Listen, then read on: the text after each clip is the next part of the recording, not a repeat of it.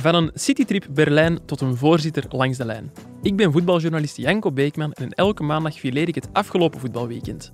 Vandaag doe ik dat met onze chef voetbal Ludo van de Wallen en Antwerp-watcher Pieter-Jan Kalkoen. Welkom bij de voetbalpodcast van het Nieuwsblad.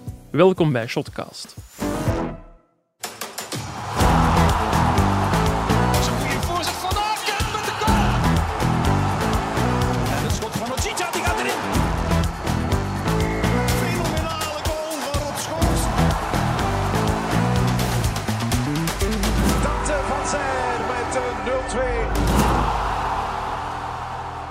0-2. Dag Pieter-Jan, dag Ludo. Hallo. Hi, Janko.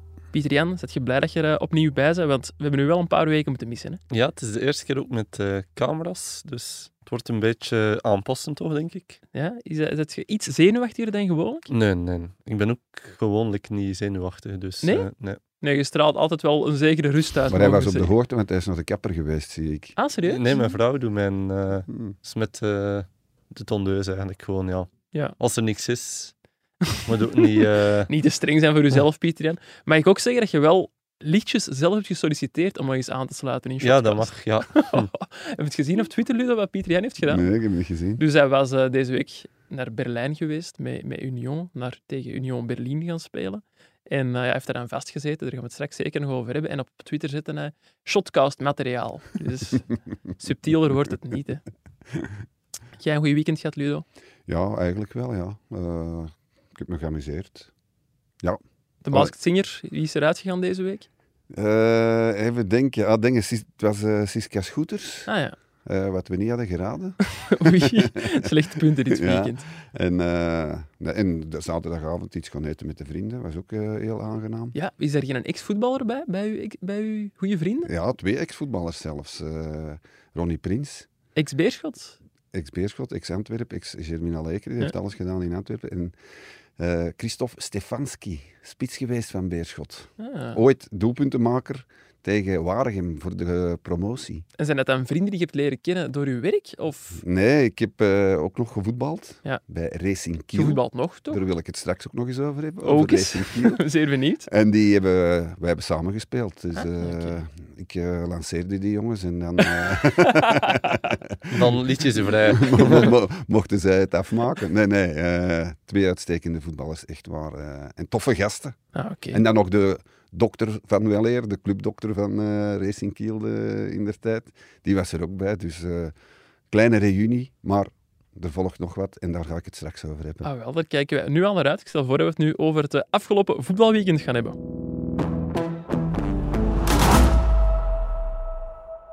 Voor we de actualiteit van het afgelopen weekend gaan fileren, moeten we eerst nog even terug naar vorige week. En meer, meer bepaald naar onze shotcast Late Night van dinsdag, die we hebben opgenomen na Benfica Club Brugge. Eh, dat is een aflevering waar we wel wat kritiek op hebben gekregen. Terechte kritiek in de meeste gevallen. Eh, misschien even uitleggen. Onze collega David van den Broek die bracht onmiddellijk na de wedstrijd, eigenlijk nog drie minuten voor afluiten, het nieuws naar buiten dat Scott Parker mocht vertrekken bij Club Brugge en dat club in Alfred Schreuder, ex-trainer, de ideale opvolger zag. Eh, voor alle duidelijkheid, dat nieuws dat klopte, zeker en vast. David heeft zijn werk gewoon gedaan zoals het hoorde. Alleen wil het feit dat Club Brugge Alfred Schreuder wil niet per se zeggen dat het ook tot een deal komt. En daar zijn wij, of toch vooral ik in de aflevering, wel iets te hard van uitgegaan. Ik kan me voorstellen dat dat bij veel mensen voor wel wat verwarring heeft gezorgd. Dat is iets dat we moeten vermijden natuurlijk. Dus eh, ja, daar wil ik toch even onze excuses voor aanbieden. En eh daar gaan we voor zorgen dat dat gewoon eh, niet meer gebeurt in de toekomst. hè. Ja, we zijn een beetje voortvarend geweest. Ja. Een beetje een misverstand.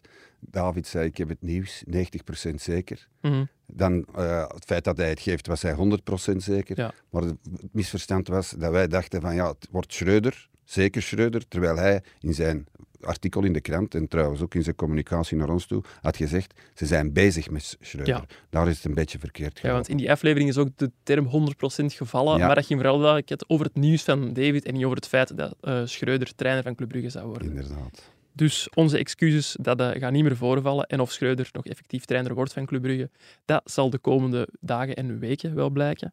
Nu dat eruit is, kunnen we het over eh, voetbal hebben. Want waar ik wel 100% zeker van ben, dat is dat Rick de Mil dit weekend op de bank zat bij Club Brugge. Dat met 2-0 won van Standaard. Ludo, was het eh, onder Rick de Mil al eh, veel beter dan onder Scott Parker? Ik vond het eerlijk gezegd niet. Allee, ik bedoel, en ik wil daar niet een steen werpen naar niemand, maar ze hebben niet goed gespeeld. Je moet dat eerlijk zeggen, zoals dat iets. Ze scoren twee keer. Mhm. Twee keer op een stilstaande fase. Goed gedaan. Wat ze wel hadden, ze gooiden hun echt hun lijf en leden ervoor. Dat is, eh, dat is zeker het geval geweest. Veel meer dan tegen Oostende bijvoorbeeld. Maar ik vond nu de mentaliteit eigenlijk nooit echt een groot probleem geweest bij Club Brugge. vechten behalve deden ze altijd wel. ja, behalve tegen, tegen Oostende. Maar nu was het toch nog ietsje meer. Dus het kan als basis dienen voor een, eh, voor een kindering, voor een soort van heropstanding. Maar om nu te zeggen, ja, het is allemaal anders, dat weet ik niet. Dat, dat zou ik niet durven zeggen. Er waren wel een paar mensen best blij dat Parker vertrokken is, zo leek. Want de reactie van Ferran Jutgla na de wedstrijd, die, die zei wel heel veel. Ja, het was eigenlijk maar een bevestiging van wat wij allemaal eh, wisten en, eh, en, en ook hadden vastgesteld. Hè, dat die Mm. man, eh, Scott Parker, gewoon niet communiceerde. Dat dat, dat, dat echt een, een, een groot probleem was na trainers die Club Brugge heeft gehad, zoals een Philippe Clement, zoals waarschijnlijk een Schreuder, die wel eh communiceerden. Karel ongetwijfeld ook, hij kende al die spelers. Dan komt er iemand die naar Engelse stijl, denk ik, hè, de manager die tijdens de training in zijn bureau blijft zitten en de veldtrainers het laten doen. Ik weet dan nu niet of dat het geval was met eh, Scott Parker. Maar in ieder geval een enorme grote afstand tussen de manager-trainer en de Mhm. spelers. En ik denk dat dat echt wel een probleem is. Zeker als je Ferran Jutkla eh, bezig hoort. Je ziet dat dat een hele gevoelige jongen is. Ja, die heeft En- wel en- vertrouwen en die, nodig, Die dat mij. nodig heeft. Eh, Roman Jaremchuk eigenlijk eh, precies hetzelfde. Het zijn eigenlijk volgens mij qua karakter op dat vlak identiek. Nu, wat ik wel een vooruitgang vond, het waren vrij logische keuzes die wel weer gemaakt Ja, werden. geen experiment à la Nee, Tejan Buchanan centraal op het middenveld. Spileers, à la limiet, was het meest eh, uitdagende, verrassende. Ja. Voor de rest stond iedereen wel gewoon op zijn... eh allee, Spileers stond ook op zijn beste positie. Maar voor de rest waren het wel gewoon allemaal jongens op hun beste positie. Jongens die hun strepen al verdiend hebben, dus... Je ziet, je ziet dat die speelfiguren bij Club Brugge Mignolet, Van Aken, Rits zijn. Dat, dat, zag je. dat zag je vorige week na die wedstrijd tegen KV Oostende. Toen ze met z'n drieën samen stonden Mhm. en zaten te gesticuleren en eh, van Ja, hun tak te dat maken. zijn de echte leiders. En gisteren gebeurde precies hetzelfde, maar dan waren ze onder, onder hun gedrieën aan het lachen. Dus dat zijn eigenlijk de mannen die je moet mee hebben. En Rits, daar heeft Parker ook wel een beetje eh, yo-yo mee gespeeld. Hè. Dus Ja, die, die was wel, niet content niet. en dan komt dat bij Van Aken terecht, dan komt dat bij Mignolet terecht. En op die manier man- manage je geen groep natuurlijk. En dat is, ja, Parker is echt op heel veel vlakken door de mand gevallen eigenlijk. hè. Ja, wat ik ook opvallend vond, Dave van den Broek, onze collega die al ter sprake kwam, die maakte in de weekendkrant ook een reconstructie van vorige week. En ik las daarin dat eh, Scott Parker na twee maanden het nummer van Rick de Mil nog niet had. Dat zegt ook wel veel over de interne Ja, communicatie. ik natuurlijk, dat, dat, dat zegt alles. Hè. Wat dat, eh, mij gisteren opviel vanuit mijn zetel zelfs, want ik heb daar de wedstrijd gevolgd, is dat er een zekere zenuwachtigheid in het stadion hing. Bert Verhagen die zou tijdens de rust zijn gaan klagen bij de mensen van Eleven, omdat ze een, ja, bepaalde fase tussen Meijer en, eh, en Zinkernagel in 16 hadden laten zien. Zou tijdens de rust ook in de kleedkamer eh, zijn geweest, Verhagen, samen met Mannaert. Was in het stadion ook te voelen, die zenuwachtigheid? Of? Ja, eh, ik heb die wedstrijd in het stadion niet gezien, hè, Janko. Dat wil ik Ah, nee, even, nee, eh, duidelijk maken. Maar ik werd ook op de hoogte gesteld dat inderdaad eh, Verhagen ja, was gaan klagen bij Eleven. Wa- Waarom laten jullie die twee Mhm. fases, want er was nog een fase, niet, niet zien? Maar blijkt dat Eleven toch van plan was om die fase te Mhm. laten zien. Die, die stonden eigenlijk klaar, maar Verhagen kwam het dan toch nog maar eens zeggen. Blijkbaar ik- toont dat wel inderdaad een eh, nervositeit. En met twee in de kleedkamer tijdens de rust. Ja, het is toch, het is, het is toch een rare situatie, vind ik. Nu, het is geen inslag. Hè. Iedereen... In België heb ik de indruk. Ik denk dat bijvoorbeeld Scott Parker het daar ook bijzonder lastig mee had. Ik zeg niet dat dat inmenging is, maar, maar, maar ja, met die, die met die aanwezigheid, die, die Maar ja. voortdurende druk. Fred Berg zit, staat ook Met een oortje in contact is dat, ja. Ja. wat is het grote verschil? Dat Fredberg eigenlijk sportief directeur is en dat eh, Bart Verhagen voorzitter is en dat eh, Vincent Manhart CEO is. Dat is het grote verschil. Als je vergelijkt met Fredberg, dan zou het Tom ook Kaluwe. Ja. zijn die, die mee in de kleedkamer... Dat is waar, ja, dat Fred kan. Berg is ook CEO natuurlijk. CEO Wel CEO Sports. Sports. Ja. Dat is het voordeel aan twee CEO's hebben natuurlijk. inderdaad, CEO Sports, ja, oké. Maar jij bent geen fan van eh, te veel inmenging van het Ja, bestuur. maar- maar ik, vind, ik vind dat die mensen wel recht hebben om af en toe hun zegje te doen. Maar het toont, zoals je daarnet zei, Janko, een zekere zenuwachtigheid. Wat moet, het- wat, moet je nu als voorzitter, als CEO in die kleedkamer gaan doen? Denk je dat je daar echt iets mee bijdraagt naar die spelers toe?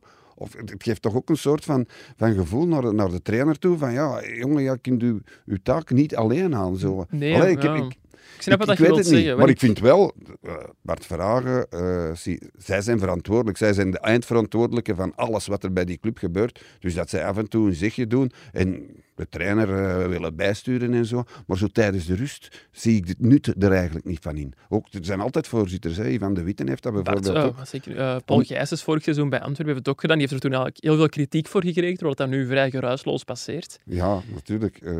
Ja, de manier Allee, van- waarop... Ja, ja. Ja. Van Vincent Manhart weten we, kent echt wel heel veel van voetbal. Als je ermee praat, die man die weet over wat hij het heeft. Bart Verhagen heeft als voorzitter van Club Brugge ook al wel wat bewijzen. Hè. We Mm. moeten twaalf jaar teruggaan. Club Brugge zat aan de grond, sportief. Nu, eh, wat ze het ondertussen hebben bereikt. Dus die mensen hebben wel wat meer krediet.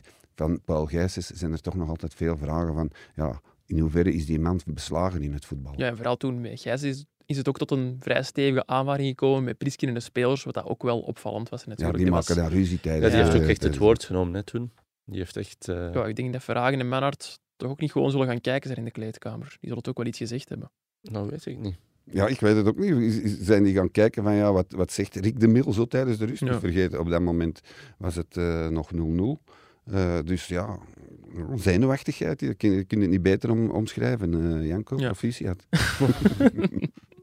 Dankjewel, Ludo. Ehm, wat zouden jullie doen als jullie Manhart en Verhagen waren? Buiten naar de kleedkamer gaan? Zouden jullie ja, de mil aanhouden tot het einde van het seizoen? Zouden jullie toch nog iemand anders aanstellen? De moeilijkste beslissing van het seizoen vind ik dat. Ze al veel moeten nemen dan, nog thuis. da- ja, moeilijker dan eh Karel Hoefkes ontslaan. Mo- zeker moeilijker dan, eh, allee, zeker moeilijker dan eh, Scott Parker ontslaan. Ja, wat moet je nu doen? Je hebt wel gezien dat er iets bewoog in die groep, dat, dat, dat er een meer beleving was.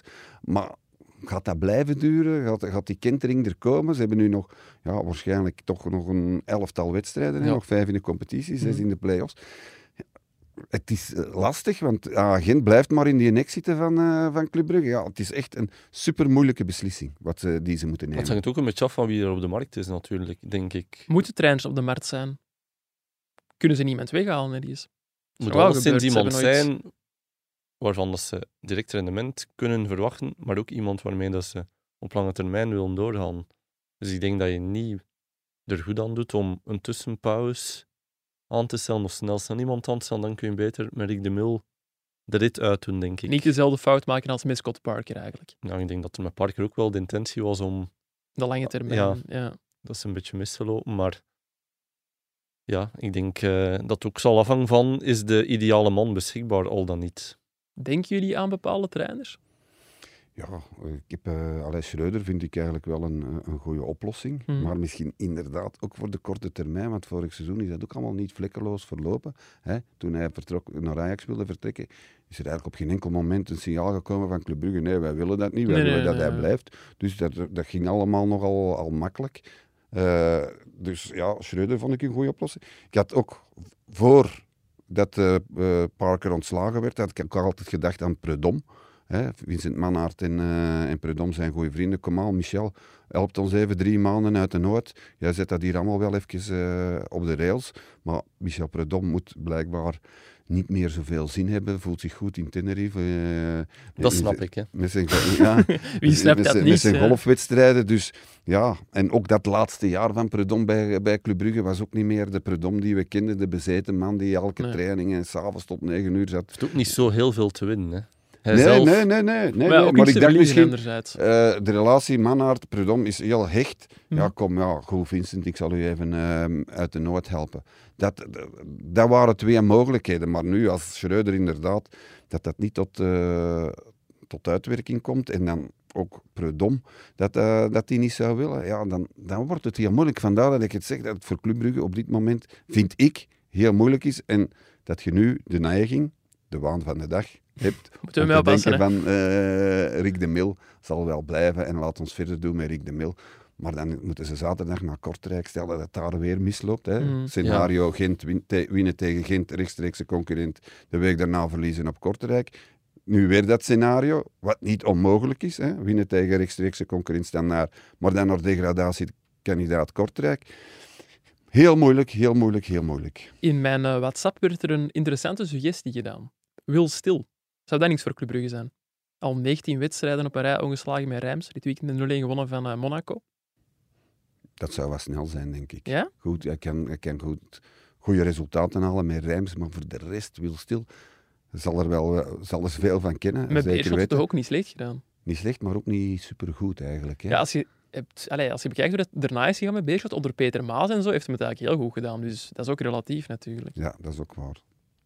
Maar jullie zijn nog niet laaiend Jawel, maar ik denk als, als Club Brugge ervan overtuigd is dat hij de ideale man is op de, het ideale moment, dan moeten ze er vol voor gaan. Maar ik denk niet dat... Ik denk dat, dat ze eerder op een ander, andere naam Ze, mikken, denk ze ik. kennen Ja. hem natuurlijk wel, hè, want Edward Stil heeft ook eh, Ja. als, als assistent van Leco bij... Was videoanalist volgens mij. Ja. Ja, dus allee, ze, ze, ze kennen hem wel. Maar ik vind het zo, ja... Wij kennen hem eigenlijk niet. Hè. Kent Club Brugge hem eigenlijk, zijn manier van werken en zo. Ja. Want we herinneren hem ook nog als... eh, Wij kennen hem vooral als de man van het filmpje Ja. bij, bij Liers hier in de bij. Liersen, hè, hoe dat hij daar tekeer ging. Ja, ik weet het En niet. onlangs is er weer zo'n filmpje, filmpje van hem opgedoken hè, bij, bij Rijns. Dat was voor de wedstrijd tegen PSG volgens mij. Was ook zo'n speech aan, aan het geven. Ook met veel scheldwoorden en constant switchen van Engels naar Frans. Ah, toch ook, Ja, ja? ik moet zeggen, ik zie dat wel graag eigenlijk. Ja, maar dat, dat is toch uitgewerkt na twee of drie keer, eh, Janko. Ja, ik weet dat niet. Ja, bij mij zou dat toch zijn, ja jong, eh, een act, we kennen hem ondertussen al wel. ze. Maar misschien met die spelers niet. En ik denk, ja, zo Mignolet en, en, en Van Aken en zo, zou dat daarbij eh, werken?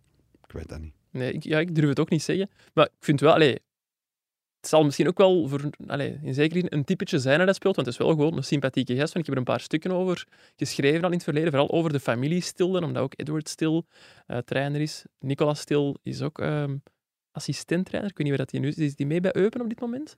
Geen idee. Ik denk het wel. En ehm, toen heeft er een eh, collega eh, mij een anekdote over Stil verteld.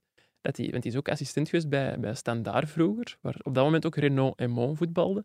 En na een uh, Charleroi Standaard wilde die collega Renault Emon uh, interview over zijn doelpunt, maar hij hield verkeerdelijk uh, Wil Stil tegen in de spelerstunnel. En die Stil deed gewoon alsof hij Emon was. Ah ja, merci voor de complimenten over die goal. En hij heeft gewoon minutenlang een interview gegeven alsof hij Renault Emon was. Dus met zijn gevoel voor humor zit het Ja. wel goed, denk ik. Ja, maar ik, ik, ik zeg niet dat hij een, een, een slechte trainer is. Integendeel, ik denk dat, maar zoals hij het nu bij Rijns doet, dat hij het heel goed doet. Maar het, het voelt een beetje als onbekend en heel snel aan. Het is mij. sowieso niet evident om nu over te pakken. Er staat toch nog heel veel op het spel. Voor eender welke coach, ook voor Schreuders, zou het niet de makkelijkste klus zijn, denk ik. Nee, vandaar dat hij natuurlijk een langdurig contract wil. Hè. Die wil niet Ja. afgerekend worden op het einde van het eh, seizoen. elf wedstrijden. Ja, na een mislukking bij, bij Ajax, nu ook nog eens bij, bij Club Brugge ernaast vallen. Ja, dat risico wil hij niet nemen. Dat snap ik eigenlijk ook wel van. Nu, in de zomer zijn er een paar...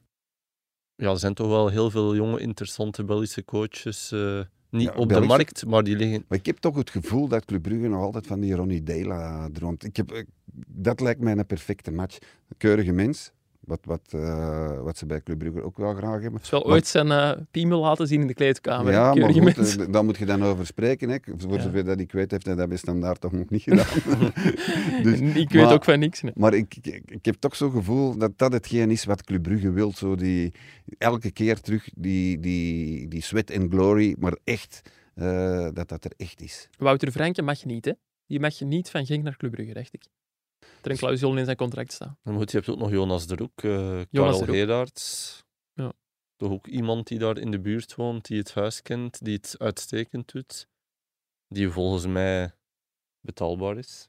Ja, Karel Gerards, ja, jullie zullen dat waarschijnlijk ook niet weten als eh, jonge kerels. Maar die scheiding met Club Brugge, die lijkt mij, toen hij Ja. als speler was, niet echt vlot verlopen. Ik heb dat her- vergaderingen al vaker gehoord hier ja, op de ja, redactie. ik, ik, heb, ik heb hem eens gezien, het was het 100 en zoveel. Is dat nu de 100ste verjaardag of 125ste verjaardag of 120ste verjaardag? Ik wil er vanaf zijn van, van dat was een feest en we waren erop uitgenodigd. En toevallig, eh, ik had mijn auto in de parking gezet eh, en ik kwam uit de parking en ik kwam toevallig Karel Gerards met zijn, met zijn vrouw tegen. En ik vroeg, ja Karel, jij bent ook uitgenodigd eh, naar die dingen? oh nee, nee, ik weet van niks. En er bleek zoiets zo van, ja, een beetje, een beetje chagrijn, een beetje bitterheid. Zo.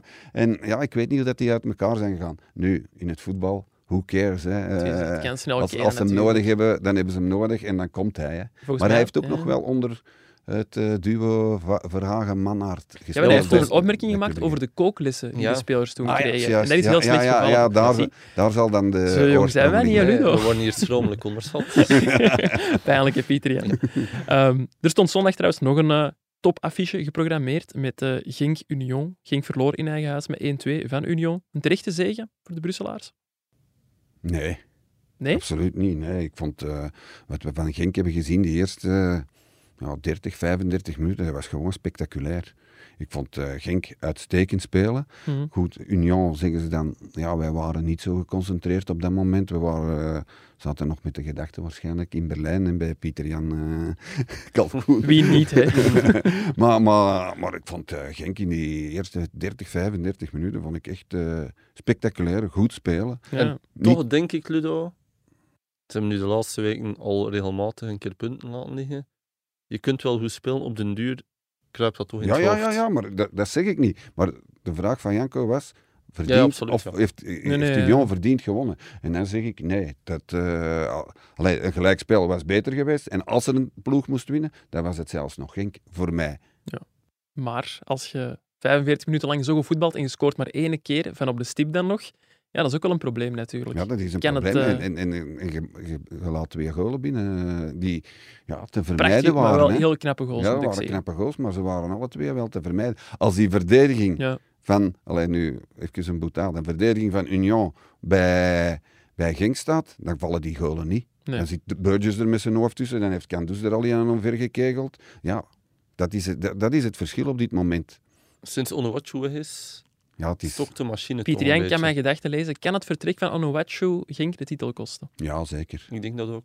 Onbegrijpelijke beslissing eigenlijk. Hè? Nee, Nee. ja, onbegrijpelijke beslissing. Ik vind dat, wel. Dat is een, een belofte die je maakt aan die speler, hè, want die wilde deze zomer al weg. De zomer ervoor wilde die eigenlijk ook al weg. En ja, ja blijf maar. eh, er zijn geen interessante aanbiedingen. En dan heb je een belofte aan die speler gemaakt. Allee, ik begrijp dat wel. Dat dan heb je ook het menselijke aspect. En dat is dan Racing Genk. Moet je dan een ontevreden speler houden? Trouwens, Onuachu op de bank, nu, hè? Al twee wedstrijden. Hè? En, en ik geloof zelfs niet ingevallen. Vorige week heb ik gekeken, is hij niet Deze ingevallen. week vijf minuten ingevallen, de week ervoor is hem op de bank blijven zitten gewoon. Allee, ja. Ik vind het ook als club niet een heel groot risico, niet enkel van de ontevreden speler, maar ook als signaal naar de rest van de spelerskern toe. Van, kijk, wij, wij zijn niet zo meedenkend. Eh, spelers die dan de belofte hebben gekregen Mhm. van, oké, we mogen weg. Als dat dan Niet waargemaakt wordt. waargemaakt wordt, dan riskeer je toch wel in de kleedkamer een bepaalde dynamiek te krijgen die niet zo gezond En is. voor nieuwe spelers. Ja. Wat, wat, wat is altijd het argument van, van Club Brugge? Wat is het argument van Genk? Kom naar ons. Ja. Je speelt Champions League of Mhm. je speelt Europees. Je kan je onderscheiden. En de grote ploegen zullen wel komen. Ja, als die dan komen, dan kun je dat niet, kun je dat niet tegenhouden. Dus het, het, het is heel spijtig, maar ik, eh, ik denk inderdaad ook dat het eh, Racing Genk wel eens de titel zou kosten. Vooral ook omdat die vervanger, hè. Eh, Oeh, Ludo, goed. Ik heb opgeoefend hè, deze keer. Eh, omdat hij nu ook geblesseerd is. Hè. Dat zou nog drie of vier weken duren.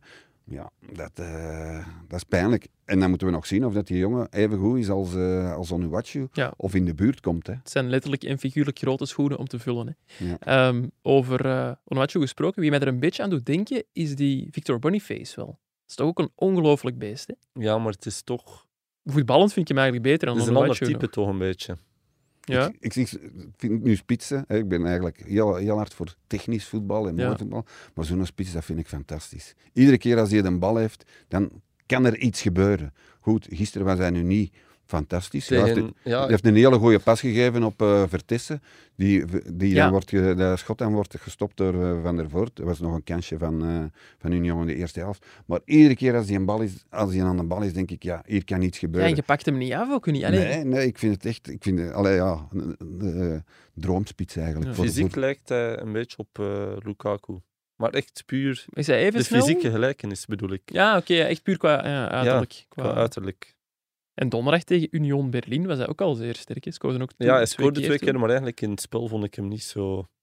Nee, nee. fenomenaal. Nee, maar Maar als je op zo'n moment hij twee keer scoort, scoort, ja. dan- heb, heb eh, jij niet het gevoel, als hij aan een bal is, ja, hier kan iets gebeuren. Ik heb dat elke keer als hij aan die bal komt. Ja, ook omdat hij een speler is die wel altijd vooruit denkt. Soms tegen Ja. beter weten in. En onorthodox. Ja. En, hij- en, doet Maar iets het is- wat, wat niemand verrast. En soms ja, loopt hij Soms is natuurlijk... het overzicht kwijt. ja, en- loopt dat volledig het is heel leuk om dat te kijken. in het inderdaad. honderd. Maar, maar, maar ja, die, er gebeurt iets. Was echt knap, hè. Ja, En ja, ja. ja. Dat deed mij ook zo wat denken van, is het duo, en dan bedoel ik niet de afzonderlijke kwaliteit, maar echt het duo over Tissen, Boniface, beter dan Undef van Zer?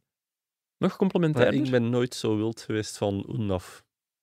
Nee, ja, ik ben ook Dus- meer fan van Boniface dan van. Ja, ik ook. Als, als spits, en om er naar te kijken, zeker en vast. Maar Oenef scoorde wel veel doelpunten. Hè. Dat is ook wel belangrijk, natuurlijk. Ja, maar ik denk wel dat Boniface het verder gaat schoppen dan eh Undaf. Ja, Ja. die jongen is 22. 22, ja. Ja, inderdaad. En toch ook weer een enorme vondst hè, van Union. Ja, wat Ja. hebben ze betaald? 1,3 miljoen of zo? miljoen. 2 miljoen? Ah, Oké, ja, dat is... Dat is de recordaanwinst eh, aller tijden. Ja, ik denk dat ze er wel een eh, veelvoud voor in de plaats Die zullen kan mee in de Belgische top. Hè. Allee, die kan bij Hij Club doet mee in de. Belgische top, hè. Ja, ja, inderdaad. Maar ik bedoel, op, eh, op Europees niveau ook. Ja, heeft hij ook al bewezen. Ja, sorry Janko. Nee, dat is niet erg. Europese subtop is het volgende, denk ik dan. Zeg, het is nog vroeg, hè, Ja, Janko. ja, we moeten erbij zeggen, we nemen vroeger op dan gewoonlijk. Hè. Ja. Dus eh, dat is misschien daarom dat we soms nog eh, af en toe de Een bal wat misslaan. Ja, dat we een dipje hebben. Ehm, wat de prestatie van Union misschien nog straffer maakt, is het feit dat ze inderdaad deze week niet alleen een Europese wedstrijd hebben gespeeld, maar dat de terugreis vrij tumultueus is verlopen. Ze hebben een nacht langer dan verwacht in Berlijn moeten slapen. En wie was daarbij die nacht? Ik was erbij, ja. Pieter Jan Kalkoen, die heeft met de spelers van Union vastgezeten op het vliegtuig. En daarna ook geslapen? Of hoe is ja, het gegaan? ook geslapen, maar toch apart. Samen, maar apart. ja, samen apart. Dat moet je eens uitleggen. Dat is apart. Nee, dus ehm, ik zal misschien het programma Het hele even, verhaal. ja, Ja. duiden. Ehm, de wedstrijd was dan rond eh, half negen, Ja, eh, denk ik. ja, negen uur ongeveer. Hè. Om zeven uur afgetrapt. Kwart voor zeven. Kwart voor zeven al, dan ben ik te laat beginnen kijken. Ja. Strikt onderbroken. Ja. En, eh, dus rond ja, half negen, kwart voor negen wedstrijd gedaan. Ehm, dan zijn er nog mediaverplichtingen. eh Mixed zone. UEFA Ja. eh, verplicht dat, dus eh, daar kun je niet onderuit. En dan was het plan van Union om meteen naar de luchthaven te gaan en daar de lucht in te gaan richting Zaventem. Eh, uiteindelijk ging dat ook, was de bedoeling om om 11 uur te vertrekken en om kwart na 12 stond je dan in Zaventem. Dat is een schappelijk uur. Perfect haalbaar. Het enige moeilijke was dat het dus een heel kleine marge was tussen het einde van de wedstrijd en het aankomen op de luchthaven. Zeker omdat die Duitsers blijkbaar heel strikt zijn. Die luchthaven sluit om 11.30 uur, 30, Mhm. half 12. En is het 1 over half 12, dan ga je gewoon niet meer de lucht in. Hoe noemen ze dat? Deutsche Grundlichkeit? Ja. Dus die zijn wel strikt, dus het schema was heel strak. Uiteindelijk niets aan de hand. eh, we gaan eh, tijdig naar de luchthaven. We zitten ook rond 20 voor 11 zat iedereen eh, op het vliegtuig. Dus eh, bestuur, spelers, pers. Niks aan de hand, het leek helemaal goed te komen. Eh bleek dat er toch wel nog een paar valiezen moesten ingecheckt worden, waar al vraagtekens werden geplaatst bij de bereidwilligheid van de Duitse luchthaven. Die waren misschien slecht gezien over de nederlaag. ja, dat wordt zo'n beetje het het gelijkspel. sorry. Dat Ja. wordt zo'n beetje gefluisterd. Dus dat ging allemaal al wat traag. Ehm, dan moest, eh, moesten de vleugels nog ont, ontvriest of ont... Afgekrapt. We begrijpen wat je wil zeggen, Ja. eh, Pieter Jan. Dus, maar dat, dat toestel dat dat moest doen, eh, dat duurde ook eventjes. Dus uiteindelijk zaten wij al zeker drie kwartier eh, op dat vliegtuig. Dan kwam er toch bewegingen. Je voelde de buil een beetje Nee, hangen, eigenlijk niet, want je denkt van oké, we zitten in het vliegtuig, we zullen wel de lucht in Het kan niet meer misgaan. Nee. En dan ging dat vliegtuig, eh, begon te rijden, maar wij bleven ook maar rijden.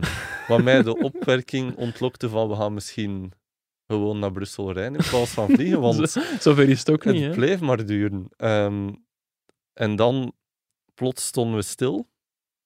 En eh, gaf de piloot mee dat we twee minuten te laat waren. Ja, En Hoe zou dat nu komen? niet meer lieten vertrekken en eh, dat we terug naar de gate moesten. En, en wat is de eerste reactie van de Union-spelers? Zijn allemaal aan het Eh, vloeken en teleurgesteld? Dan, eh, La Poussin heeft zo'n enorme eh, box mee. Die heeft Eh, die standaard bij. Ja, dat is op wieltjes zelf. dat is zo het formaat van een, eh, van een valiesje. Die heeft gewoon altijd een soundtrack of zo. Dan. Ja. En dan eh, begon die spontaan... eh, dus die zat naast mij op het vliegtuig. Ah, Allee, die? Net die, naast ging, u. die ging achteraan een dutje doen. En die stond recht en die liep naar voren met zijn box. en al die spelers begonnen te dansen op het vliegtuig. En wat voor muziek speelt? Eh, ja, zo wat Franse rap. En, Ah, het is niet zo zoals DJ. PJ of zo nee, in Qatar. Nee, Nee, Zelly voor het eerst heeft, heeft het niet gehaald. Dus wat zonde. Ehm, maar ja, het was, ja, die nam dat eigenlijk wel goed op. Blijkbaar zei Vertessen, die was nog het meest eh slecht gezin blijkbaar. En die zei van, allee, dat kan toch niet, dat kan toch niet. En dan zei Thomas tegen hem, eh bienvenue à l'Union. en daarmee was de kous af. Eh, dan moesten we uiteindelijk van het vliegtuig, ehm, ja, die reisbegeleiders in allerijl op zoek naar een plaats om te slapen. Dat bleek dan gewoon het spelershotel te zijn. Dat was dan nog een half uur, drie kwartier rijden. Moest er weer een bus gezocht worden, want die bussen waren al vertrokken. Eh, de bagage moest weer volledig uit het vliegtuig. Dus dat heeft daar wel eventjes geduurd. Uiteindelijk zijn we om twee uur s'nachts in het hotel eh, beland. En dan mocht de pers... Pers slaapt altijd in een ander hotel, maar Ja. we mochten gewoon... We kregen een kamer in het spelershotel. Oh, dat is wel sympathiek van Union dat die dan Ja. mee naar daar mochten komen. Dus eh, dat is dan allemaal vlot verlopen. Maar Union is ook een club. Allee, Ludo heeft al een paar keer gesproken over het normaal doen. Union is daar wel het grote voorbeeld van. Gerards stond ook al interviews te geven aan de bagageband. Dat moeten ze ook niet doen uiteindelijk. Eh, dat was allemaal heel chill. Eh, die Lapus heeft nog een feestje gebouwd aan de bagageband. Andere gestrande reizigers, want er waren nog twee vliegtuigen na Ah, ja. ons die ook niet konden opstijgen. Die hem daar zitten meedansen.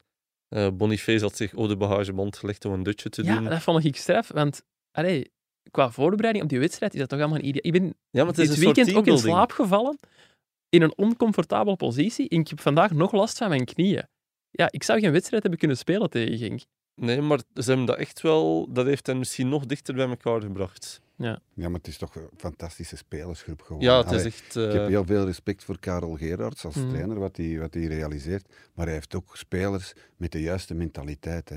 Hij heeft eh Burgess, ja, chapeau, die, die, die gast die er alles. Volgens mij is dat een echte grote leider eh, bij, bij Union. Maar je hebt ook Thomas, zoals je zegt, hè, die dan eh Vertessen het zwijgen oplegt met zo'n één zinnetje van Ja. ja. die dan Union en gewoon niet beginnen zagen, bij wijze van spreken. Ja, ik Dat zeggen ze altijd dat is- wel, hè. Dat is zo belangrijk, hè, die, die gasten. En die Geen zijn, diva-streken. Nee, en die zijn echt Maar de ook- sleutel van het succes van Union, Die doen mij. echt heel normaal. Eh, ik heb al heel veel Europese verplaatsingen gedaan, ook met andere ploegen, waar je bijna niet tegen de spelers mag praten op het vliegtuig. Bij Union kun je er gewoon naast gaan zitten, een praatje doen. Die Ja. doen alleen niet dat we dat doen, hè, permanent, maar Senelinen zat ook achteraan het vliegtuig. El Azzouzi ook, omdat die dan eh, een potje kaart spelen of een beetje... Heb je mee mogen kaarten? Nee, ik heb niet mee. Maar ze hebben ook niet gekaart. Ah, nee, maar ze hebben dat in het verleden al gedaan. Ah. Eh, en dan slaan wij gewoon een praatje, want dan zei nog eh Linen van ja, kijk, vraag een tweede kussen op het hotel, want het zijn platte kussens. en die doen daar allemaal zo... Het is allemaal heel gemoedelijk en heel fijn eigenlijk. Ja, Eh, echt een 80. toffe bende. Ja, het de komt 80 allemaal terug. 90 zijn terug eh, bij Union. eh, Ja, maar dat is het echt normale wel- gedrag ten opzichte van de pers. En wat maakt het voor verschil, Pieter? Ja, Hè? ik Wat denk maakt dat het het voor verschil? zelfs... Het wekt sympathie op. Maar ik denk zelfs als, ze gewoon, als je gewoon normaal doet, dat je daar zeker niet slechter van gaat spelen. Maar ik denk als je niet normaal doet en echt heel veel kak eraan hangt, om het even zo te zeggen, dat je zelfs een soort druk creëert door die Ja, spelers. tuurlijk. Die, die vertrekken de dag voordien met vliegtuig. Die mogen absoluut niet goeiedag zeggen, want anders, oei, oei. Ja, dan krijg je toch als speler het gevoel van, dit is de match van, van het jaar, ik mag niet falen. Ik, eh, volgens mij werkt dat Averechts. averechts.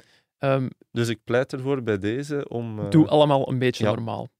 Eh, de gunfactor lijkt heel groot bij Union. Ik heb wel het gevoel dat hij bij het grote publiek misschien wat aan het dalen is door het gedrag van sommige spelers. Van Burgess, straffe gast, goede verdediger, doet eh, heel nuttig werk met, met vluchtelingen in Calais, zo heb ik ook al gezien. Maar zoals hij gisteren tegen Genk acteerde, dat vond ik er ook wel een beetje over bij momenten. Ja, heb je het dan over die ja, soort van eh, waren- elle- elleboog die hij gaf, dat hij zo Samatta wilde tegenhouden? Ja, maar nee. ik denk dat dat ja, een beetje de ironie was van, Ja, eh ja, van er was nog een fase, helemaal op het einde van de wedstrijd, waar hij Met over Maurice struikelde. En dan sprong hij er nog eens over en dan ging hij nog eens liggen en zo. ik snap het wel, hè, maar dat is dan ook weer niet nodig, ja, nee, dat is misschien niet nodig, maar dat is maar één oplossing. Hè. Dat is dat die scheidsrechter dan gewoon in plaats van zes minuten, tien minuten laat overspelen. Ja, ja, ja. Dan, dan, is dat, dan is dat snel gedaan. Allee, bedoel, waarom, waarom doet die scheidsrechter dat dan niet? Nee, dat is waar. Je ziet dan Maurice, dat, we, dat, vond, dat vond ik eigenlijk nog Ja, ja, irritanter, wat dat hij allemaal uitstak. Maar ja, het speelt gewoon tien minuten over. Nee, nee, daar heb je ook gelijk in. Allee, en overdrijf dan als scheidsrechter daar ook maar in. Hè. Ja, dan zal dat eh, ook rap bedoel, gedaan zijn in eh, de toekomst. Dan, als zij in een minuut op de grond liggen, maakte jij er twee minuten van. Of eh, in samenspraak met de VAR, of weet ik van. Iedereen vindt het irritant. Nee, Ja, eh, behalve natuurlijk die, degenen die bij Union betrokken zijn. Maar, maar doe dat toch gewoon. Toch een goede ploeg. Absoluut, zeker wel. En Union is niet de enige ploeg die jij volgt, Pieter Jan, want jij bent ook onze Antwerp-watcher nog steeds. Tijd dus om het over de Great Old te hebben na de reclame. Oh, scalpel? Scalpel, alstublieft. Ja, ja, penalty! Als zij spelen, speel jij. Bet live op ladbrokes.be. Gok met maten. Pieter Jan, hoe was het eh, in Serijn, waar Antwerpen met 0-2 is gaan winnen zaterdag? Ja, leuk. Leuk, komt je graag in Ja. Serijn? Het zal de laatste keer geweest zijn wel, denk ik. Het is nu niet mijn favoriete verplaatsing, eh, maar je wordt er wel? Ja, gezellig. Je wordt er goed ontvangen, maar ja, het is toch een eindje rijden. Het zijn niet de meest moderne omstandigheden. Het is een slecht veld. Je Nee, ziet als het over de jaren 80 gaat, dan Ja. kun je er in Serijn Je ziet van zelden hoe voetbal eigenlijk op rij. Dus eh, het is nog niet dat ik daar eh, iedere week zou willen langs gaan. Maar ja, zo ene keer. En zet je gewoon weggeraakt? Want op zaterdagavond, Serijn, kun je er wel eens last mee hebben, hè? op de parking daar. Ik weet dat Jurgen Geril er ooit heeft opgesloten gezeten. Omdat de Ik- parking ja. al was afgesloten. En- ja, ik was daarbij toevallig. Ah, En toen ben ik nog over de muur geklommen. voor Jurgen. Ja, en, En jij toen nog voor een concurrerende krant aan het werk. ja, Goh, ongelooflijk, die Pax Media. en, eh, want dat was gewoon een poort die wel open ging met een oog. Maar Jurgen wist dat niet. Nee, maar ja, je moest wel op de parking Ah, geraken. Dus ik Ah, heb dat juist, eventjes gaan testen. En dan bleek dat dat toch de oplossing was. Maar ik stond op een andere parking nu. Ah, oké. Maar ik zei wel goed. eh, goed ja, daar is ook geen kat, hè. Dat was 1500 man. Voor Antwerpen dan nog. Eh, waarvan 900 en een klets van Antwerpen. Toch, dat is wel heel weinig volk. Ehm, begin dit seizoen werden er nog wel wat vraagtekens geplaatst bij de gro- grote hoeveelheden Nederlanders die op de Bosuil neerstreken. Ik denk dat ze daar nu niet meer echt om malen bij Antwerpen. Nee, de helft van de doelpunten, ik heb het dit weekend berekend, eh, wordt gescoord door een Nederlander. Ja, en dit weekend waren dat Jurgen Ekkelenkamp en, Vincent, Janssen. Janssen, ja. Die eh, Paul Onwatje zo heeft evenaard met zijn Ja, 16e 16e. goal, denk ik. Hè. Die zal dan ook wel... eh, Fantastische spits. Ik heb in het begin van het seizoen een paar keer eh, mijn twijfels uit, maar en waarom dan? omdat ik het er niet helemaal in zag op dat moment. Hij had het ook wat moeilijker. Had ook niet de beste statistieken in Mexico. Maar nu doet hij het echt wel fenomenaal goed. Niet alleen met zijn doelpunt, maar ook met zijn deelname in het spel, met zijn werklust. Ja, Ja. het is echt wel een heel goede spits. Ja, het is niet een allergrootste, of dat is geen Onwatje of Boniface, maar hij kan wel echt een bal bijhouden door de manier waarop hij zijn lichaam gebruikt. Ja, hij is sterk. Een beetje... de- Doe een beetje denken aan Undaf misschien. Al vind ik hem voetballend wel beter dan Ja, Undaf. en minder irritant. dat zit die precies. Die Undaf was toch echt wel ook een, Ja. eh, een matenaaier, een ja, beetje. een beetje wel, ja. Ja. Die Jansen is net een van de verste spelers eh, op de Belgische velden. Als hij een foutje maakt, gaat hij zich meteen excuseren. Eh, trekt hij spelers recht en zo. Eh, dus echt wel... Ja, Ja. En dan om nog, nog maar eens terug te keren naar de rode draad in deze aflevering. Die doet ook normaal, hè. Ja, dat vind ik ook wel. Ja. Vincent Janssen, dat is ook niet... Maar dat is ook een, knul, allee, een gast met een bepaalde carrière. knul zeggen, hè. knul, ging Ja, ik zeggen. weet het. is dat ne- je begint dat Nederlands al over te Hm. nemen.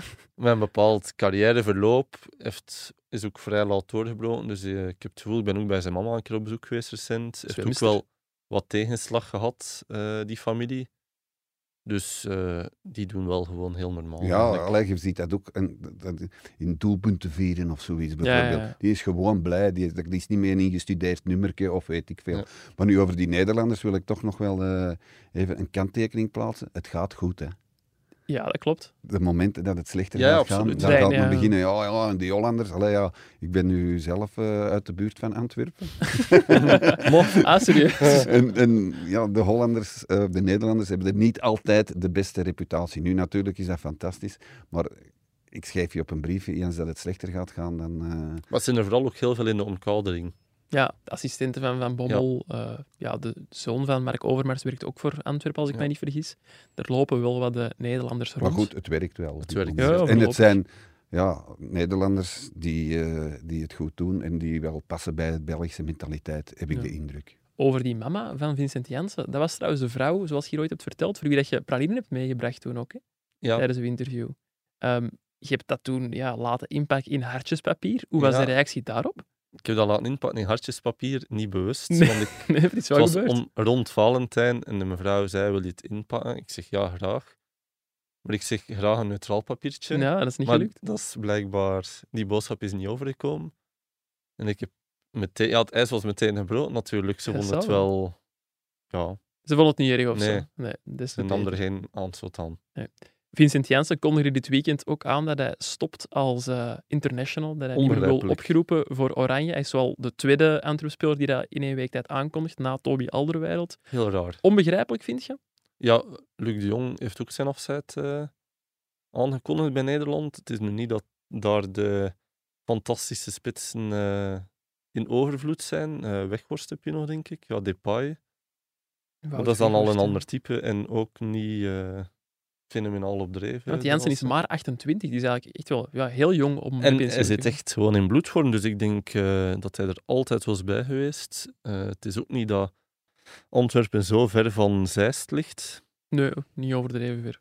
Dus eh, Ja, ik vind het een beetje raar. Pieter-Jan, kan jij het inschatten? Want ja, Toby Alderweireld zegt na het EK, ik heb het goed gedaan, ik blijf Rode Duivel. Hm. Plotseling niet meer dan, hè, want dan eh, ja, gaat zich volledig op Antwerpen concentreren. Vincent Janssen eigenlijk precies hetzelfde. Is er iets vanuit de club misschien dat, Nee, er, dat ik- er wordt gestuurd? Want eigenlijk na het WK was bijvoorbeeld dan al de wereld gezegd van kijk Toby, eh, als je er zou willen over nadenken, wij zouden het niet erg vinden als je stopt als eh, international, omdat toch wel inderdaad de belasting er is, hij heeft zijn leeftijd. Maar uiteindelijk was Toby daar direct heel affirmatief in van nee, ik ga door Hm. na het WK. En dan had Antwerp er ook wel vrede mee, ook gezien zijn eh, professionaliteit, zijn werkijver, zijn het niet zo op aan te merken. Dus bij Toby is het helemaal vanuit zichzelf gekomen. Antwerp heeft helemaal niet meer aangedrongen om dan ik, ik heb dat gevoel ook niet, maar ik vind dat nu zo. Ja. twee, ja, twee, eh, En ik denk Vincent bocht van Janssen 180 graden dat er wordt gemaakt. is ook een jongen die helemaal zelf zijn eh, beslissing neemt. Want toen ik bij de mama ging, was er... Ze stond er aanvankelijk niet voor te springen om een interview te geven, omdat zij zei van...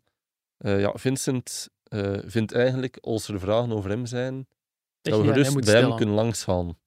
Eh, Ja. Hij is verstandig genoeg. Hij is...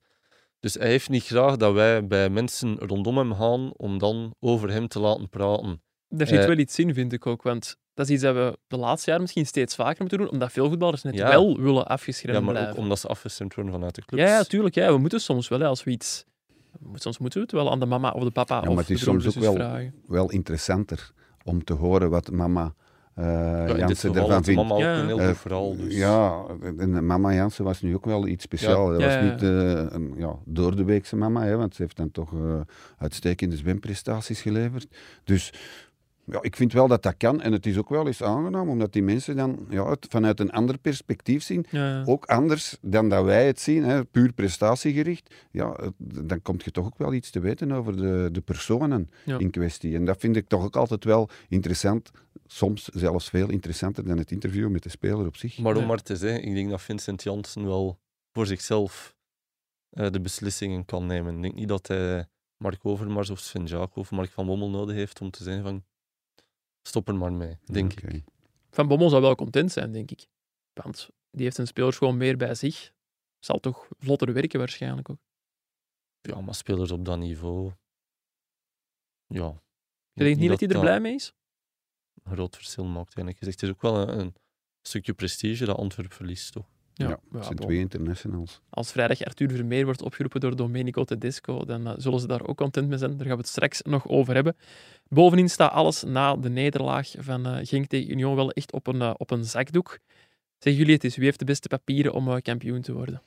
Och, ja, gaan we weer mee in de De waan, van de dag. Dat is niet- ja. Ja, ik heb nu zo het gevoel, hè, vorige week heb jij diezelfde vraag gesteld en dan een beetje suggestief van, ja, Antwerpen kan toch kampioen worden? En nu hebben we ons een Antwerp-badje hier Ja, zitten, dus ik ga die nu- vraag nu- opnieuw nu stellen. krijg je toch zo een beetje dat gevoel, ja. Waarom, waarom Antwerpen niet? Terwijl ik vorige week nog dacht, ja kom, Janko, rustig aan. Eh, heb ik nu het, gevoel van, ja, en stel je voor die beker winnen en dan in een flow komen. En vooral, er moeten nog veel spelers terugkeren bij Antwerpen. Inderdaad, ik heb dat gisteren eens nagekeken. Er zitten zeven spelers in de ziekenboeg. Niet de minste, hè. je hebt allee, ja, Vines, is niet, niet, geen wereldspeler, maar er zitten toch eh, dingen, Miyoshi. Het zijn allemaal spelers waar dat je... Yusuf, Toby. Ja, waar, waar, dat je van alle, waar dat je veel mee kunt doen. Dus ja, wa- waarom niet? Allee, en op deze manier, met al die geblesseerden, winnen ze nog altijd hun wedstrijden. Goed, Serain eh, is nu ge- geen grote prestatie, maar allee, ze hebben toch ook gewonnen op Genk, hè, bijvoorbeeld. Dus, Dus ja, uw antwoord is, Antwerpen heeft de beste papieren.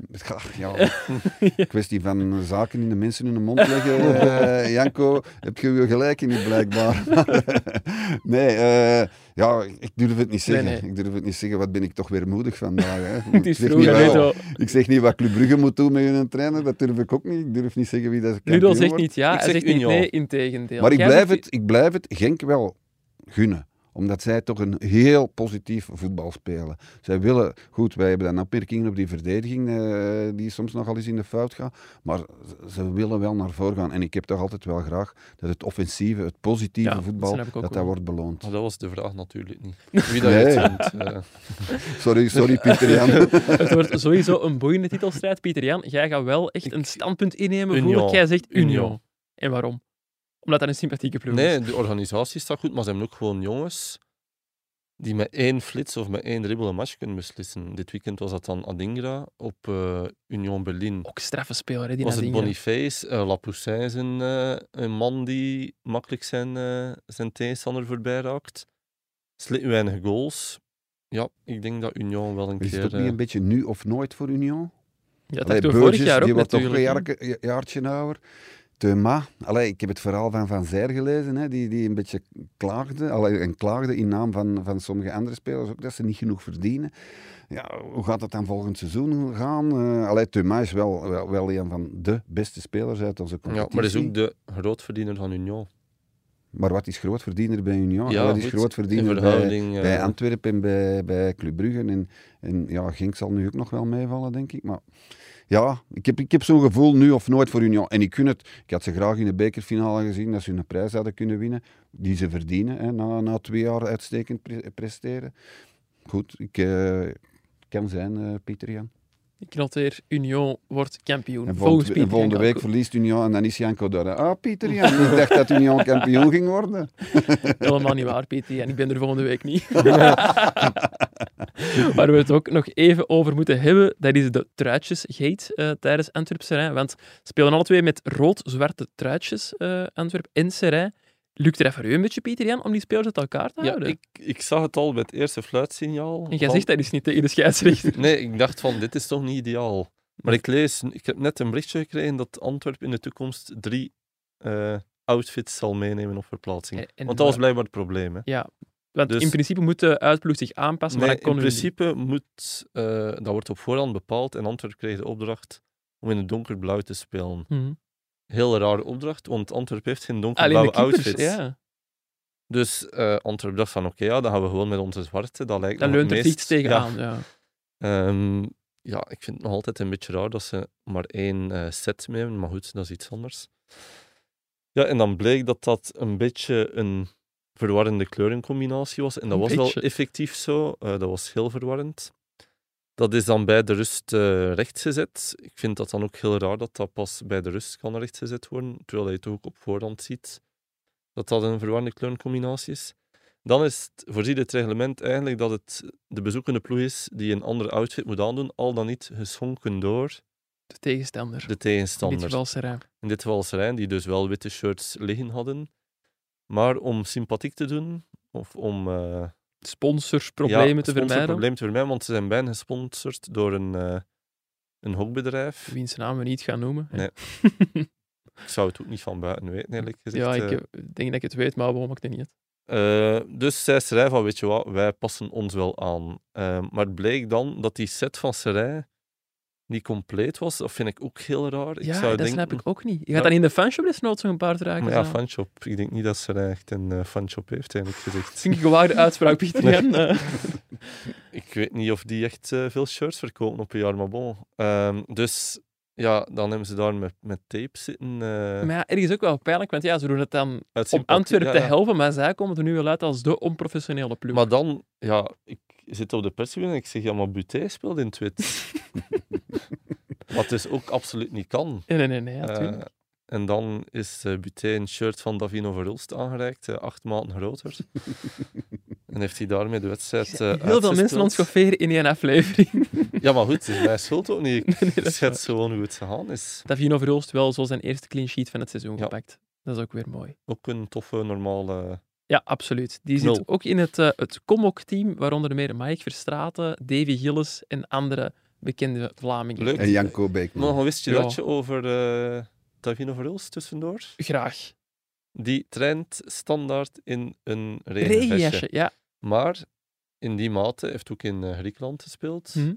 Daar is het zeer warm. Want ik dacht in de voorbereiding dat hij trainde in eh regenvestje, het was ook al warm toen, om kilo's te verliezen. Om meer te zweten en kilo's te verliezen, want hij is... Ja, wat. en eh, ja, dat was dus niet. Maar toen hij in Griekenland speelde, moest hij zelf zijn regenvestjes meenemen vanuit België. Nee, dat hebben ze dan niet, Want regenvestjes. eh, in Griekenland, het regenvestje moet daar nog eh, doorbreken, omdat het daar zelden regent, uiteraard. Dus ja, voilà, wist je dat je tussendoor. dat zijn de weetjes waarvoor wij hij aan is de de eerste die het doet- doet bij Antwerpen. Lang geleden, de jaren 90, de, heil- de aangename jaren 90. Hans-Peter Leenhoff deed dat ook altijd. Ah, Hans-Peter oké. Leenhoff, ex-speler van Antwerpen, waarschijnlijk de beste buitenlander die ooit bij Antwerpen heeft gespeeld, in mijn ogen. Ik dacht dat je nu ging beginnen over je twee kameraden. Nee, nee, nee, Want nee straks. Ah, straks. Oei, dan stel ik voor dat we snel overgaan naar het volgende. Eerst nog even benoemen dat ook eh Agent een eh, straffe prestatie leverde dit weekend door met Proficiat. 2-6 te gaan winnen tegen Zote Waregem. Dat nu zo straf is, daar denk ik nu even over na. Misschien niet, maar wat dat wel straf was, waren de vier goals van Gift Orban. Mag die de strafste winteraankoop van eh, dit seizoen noemen? Mag ik er even een eh, leuke eh, one-liner tussen, uh, tussendoor? Zeker. Ja. The gift that keeps on giving. Ja. That keeps on giving. Goed, eh, cliché tot en met, maar ik, ik blijf, blijf nog in mijn hoofd zitten, omdat dit hier toch wel heel hard van toepassing Zeker is. hè. en vast. Stond ook op de verlanglijst van Union, trouwens. Ah ja. Ja, hij is toch naar Gent gegaan. Maar wat, wat, wat was de vraag? eh, Nee, ik heb geen vraag gesteld. Of- Of hij de strafste winteraankoop van dit seizoen Ah, is. ja, tuurlijk. Ja. Ja. Ik denk niet dat we daar kunnen over discussiëren. Nou, ik die wou zo Islam Slimani er nog naast zetten, omdat hij Anderlecht toch ook snel veel bijbrengt. Maar Orban is spectaculairder. Hè? Ja, en ja, ik vind, het lijkt me gewoon een toffe Het is gast. Ook. Het is een figuur ook wel. Ja. Ja, Maar. Slimani ook wel. Als je nog iets over. Anderlecht wil zeggen, eh, het is het moment. Nee, daar, eh, daar is de tijd te beperkt. Eh, de vergelijking met Jonathan David is al geregeld gemaakt. Dat is nog steeds de duurste uitgaande transfer in de... Nee, het was met Moses Simon is hij al vaak vergeleken. Ja. Maar het ging over zijn, zijn transferkaartje. En eh, op de persconferentie van zondag werd er dan ook gevraagd naar het, het prijskaartje van Orban aan Hein van Azenbroek. En die had daar het volgende over te zeggen. 14. Michel gaat niet meer zeggen, hij heeft het ooit een keer gezegd. Dat is voor te lachen, hè. Maar ook 15 miljoen zijn. 40 tot 50 miljoen, dat zal misschien eh, iets te veel van het goede zijn. denk Ja, hij is ook niet zo goed als eh, Jonathan David. Hè. Nee, nee, Jonathan nee. David is gewoon een hele goede speler. En zo goed is eh, Gift Orban niet. Wat dat mij ook nog opviel aan de uitspraken van Aasbroek was dat hij blijkbaar niet beslist wie de vrije trappen neemt bij A-agent. Dus dat ze wel meermaals hebben gezegd tegen zijn spelers van je moet giftrainen laten trappen, maar de leiders, de, degenen die nu trappen, zouden hem nog niet klaar hebben gevonden. Dat, allee, dat geloof ik toch niet. Als Van Aasbroek zegt, Orban trapt, dan trapt hij toch gewoon. Ja, als dat op het veld anders wordt beslist. Ja. Ja, gelukkig dat de spelers af en toe ook nog iets mogen, mogen beslissen, denk ik. Dan, eh, als hij van Azenbroek alles moet beslissen, ja, dan kan hij beter Playstation gaan spelen of zo. Hè. Daar zit ook wel iets in. Genoeg over eh, Gift Orban en de truitjes van Antwerpen. Tijd om over te gaan naar de wisselrubriek.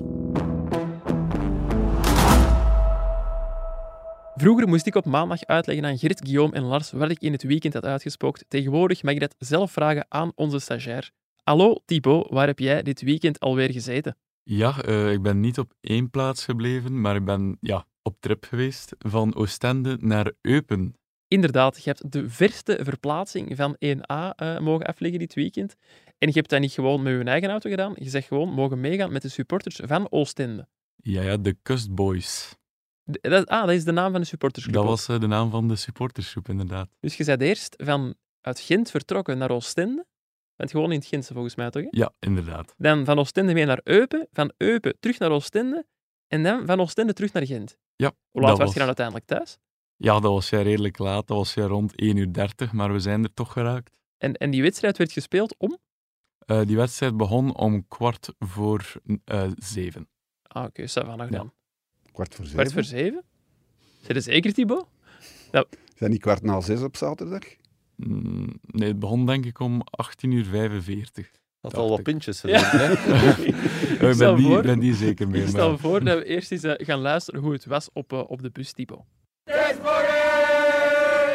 Op de zee, op busniveau, Descoveo. Alsjeblieft, wie wet. Maar die truitjes kan je ook doen op present, hè? Even met de KVO-tombola. Voor context, André zit op het toilet. Maak er een aangename match van. Allang leven! Yo. Go voor KVO Sunday.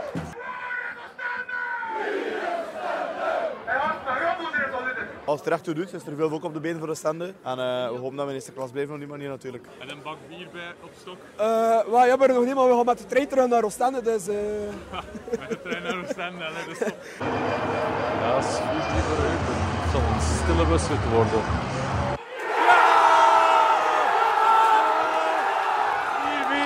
Het is gewoon kletterhak, het is gewoon voor kletterhak te komen, echt niet normaal. Hallo, ik heb het truitje van uw beer nu ook. Eh, nee. Ja, jawel. Eh, ja.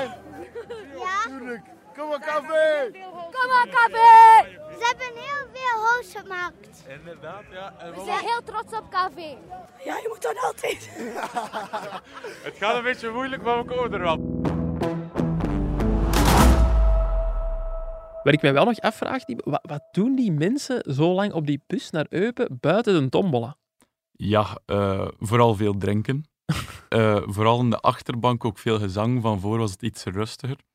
En eh, ja, dat was er ook ja, een beetje eten, maar dat waren dan zo vooral koekjes en dan op de terugrit broodjes. Nou, het is niet eens een speciale diner voorzien voor de verste verplaatsing van het jaar of zo. Dat er... Nee, nee, dat was niks speciaals. Dat waren echt ja, broodjes en zo van die ehm, ja, zo confituurkoekjes en ehm, ja, zebrakoeken. Het was kwart over zes, hè, trouwens. Ik eh, net Kwart over zes. Ja, oké, ja, Direct. kijk, ehm, ik was mij vergist Dat van eh, waarschijnlijk uur. het eh, kustuur. Dan, Ja. Eh, Tijdsverschil tussen Eupen en. Oostende. Ja, nee, nee, het is zo, eh, de bus was vertrokken rond eh, kwart voor drie of zoiets. Dus daar weet ik dat ik wel het vergist. En ze ja. aten dus zebrakoeken voor een wedstrijd tegen de pandas. ja, inderdaad, dat was wel toepasselijk. Eh, het kleurschema klopte, maar eh, ja, het Ja. dier niet. Zeg, uw stagebegeleider is er nu niet bij, Thibaut. Guillaume die zit in Disneyland. Ehm, heb jij zelf ook een pintje gedronken op de bus?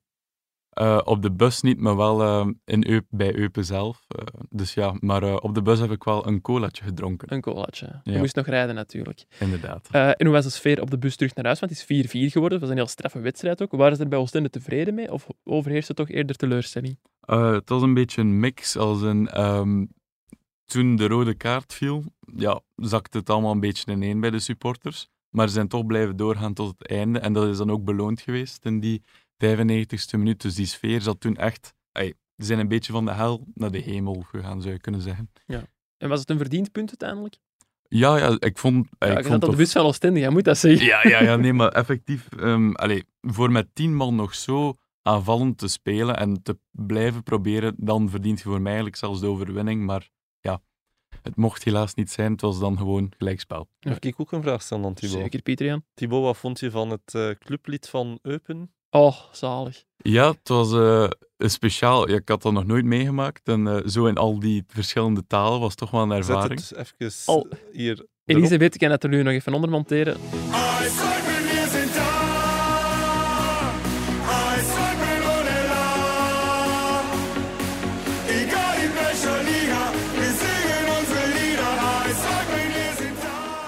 Ja, en eh, ik vond ook, wat ik ook heel tof vond, was als Eupen scoort, begint, eh, ik denk dat Smells Like Teen Spirit te spelen, of zoiets. In de hel van de keerweg. Ja, dus dat is echt wel eh, ja, een aangename ervaring. Ja. En eh, naar waar gaat uw volgende tripje, Thibaut? Eh, dat zal eh, hopelijk, als we er een vinden op tijd, met een jeugdtref, een jeugdtref, een interview zijn. Ah, oké. Dat is wel Ja. interessant. Na Inderdaad. alle heisa van de Ik heb dit voorbije weekend weken. een match gefloten. Ah, serieus? Op eh, Boca United. Ja. De wedstrijd van uw eigen ploeg dan. Eh, in twee wedstrijden gefloten zelfs. Amai. Dubbel betaald ook dan. Nee. De wedstrijd van mijn eigen ploeg, de B-ploeg. Maar de A-ploeg speelde nog wedstrijd tegen de West Flames. 11 Oké. tegen 11. Zo, dat zijn... Oh, wij, dus op een heel veld ook. Ja. Ja, Dus dan je- heb ik mijn sport een En beetje... met, met buitenspel en zo, Ja, ja. eh, Pieter Jan. Heel kaartje getrokken ook. Ja. ik heb alleen wedstrijden bij, wedstrijden bij de Duiveltjes gedaan, dat was nog zonder kaarten. Maar nou, dat is wel een grote verantwoordelijkheid. ja, maar ik neem ook altijd kaarten mee. Ik heb dat gekocht in de Decathlon. nee, omdat ik vind 11 tegen 11 heb je wel kaarten nodig. Nee, nee, dat is Ja, Anders dreigt dat toch... uit de hand te lopen. Ja. Nee, Terwijl nee, twee, heel verre ploegen waren en zo. Dus. Ja, dat moet erbij heel zijn. getrokken. ja, maar ja, er was iemand... Dat is toch die geldingsdrang van de ref dan, hè? Iemand sneed naar binnen, een meisje dus, en werd gehaakt, maar ze dreigde alleen voor doel te komen. Dat Dus is ja. eigenlijk rood dan. Ja, Ja. nee, het was niet... had moeten Het tussenkomen. was nog wel veel werk voor de boeg, maar het was toch wel... was ook geen discussie. Oké. Thibaut, als je wilt, kun je misschien eh, Pieter Jan nog interviewen eh een van maar de ik ben ook komende niet... weken. Nee. Nee, Geen ik heb ervaren ook geen diploma of zo. eh, Nee. Allemaal op het gevoel. Ik stel voor dat we toch nog een echte jeugdrift zoeken, Thibaut. Ja, ik wil nog wel één iets vlug meegeven. De supporters van Oostende, ik was heel onder de indruk van hun ja, sfeer en ook van de ja, hoeveelheid dat er daar was naar Eupen afgezakt. Hoeveel waren ze ongeveer? Ik kan geen exact nummer zeggen, maar het was echt ey, in de honderden toch wel. Honderden? Ja, want ze waren er met... De bus alleen was 30 man en dan waren er ook echt een handsnoop met de trein of met auto en met busjes apart. Dat was echt impressionant. En zijn- verstond je ze? Ja, ja, ja, zeer zeker. dat West-Vlaams is. Allee, ik heb daar geen probleem mee natuurlijk, maar... Ja, nee, mijn eh, stiefvader is van West-Vlaanderen, dus dat eh, is wel makkelijk. Ik Ik stel voor dat we nu niet jullie familie uit de doeken gaan doen, Thibaut, maar dat wij gewoon overgaan naar onze afsluiter.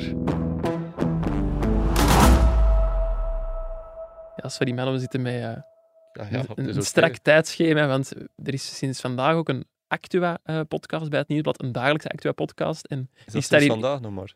Ja, die komt vandaag voor de eerste keer online, vanaf vier uur, denk ik ongeveer, tegelijk met Shotcast. En die wordt de Sebbes opgenomen. Dus eh daarom Voor dat wij... concurrentie. Uit eigen huis. Boah, we zijn een team, hè, Ludo. Oké.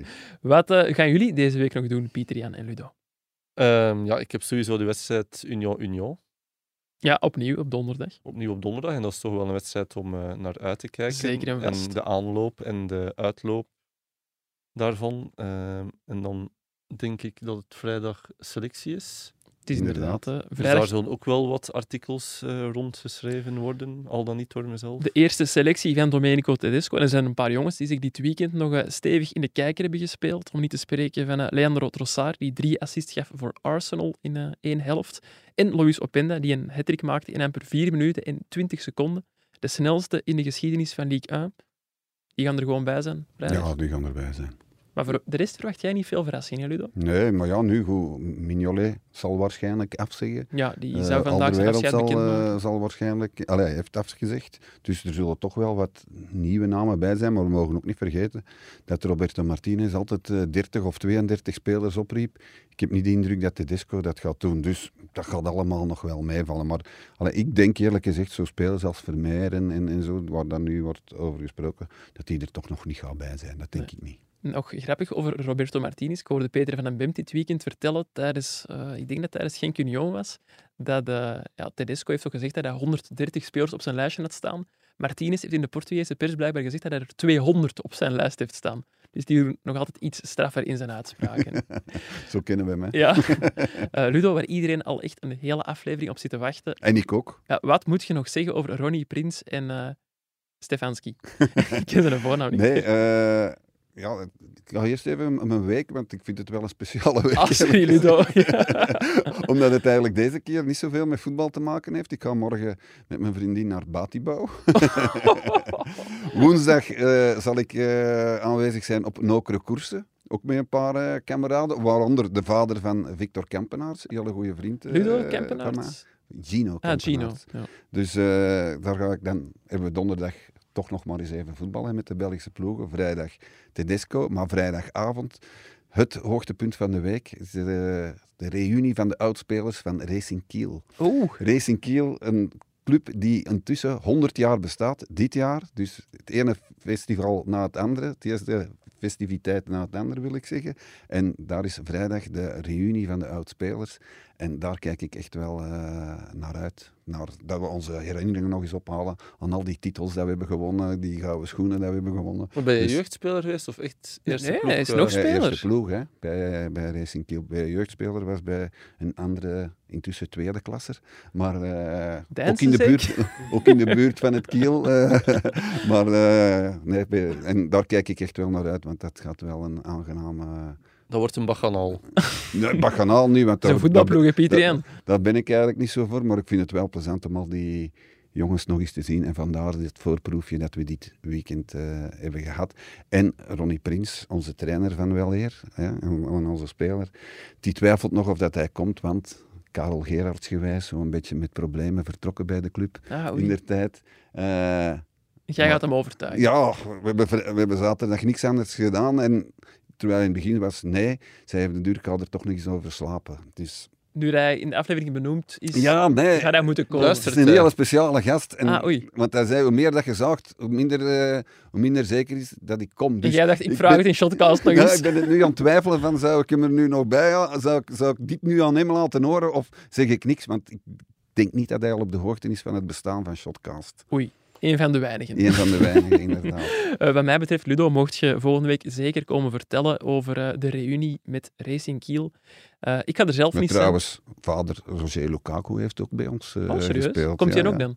Nee, die zal niet komen, Ah. denk ik. Dat zou ik wel tof vinden, maar ik denk niet dat hij zal komen. Nee. Ik ben er volgende week maandag zelf niet, want ik geniet van een paar weken vakantie. Een Maar paar weken zelfs. twee, dat zijn er een Ja, paar. dat zijn er een paar, ja. Ja, eh, maar ik heb een, eh, ja, een, een zeer straffe eh, vervanger die eh, jullie maandag zullen kunnen horen, die alles in zeer goede banen zal eh, leiden.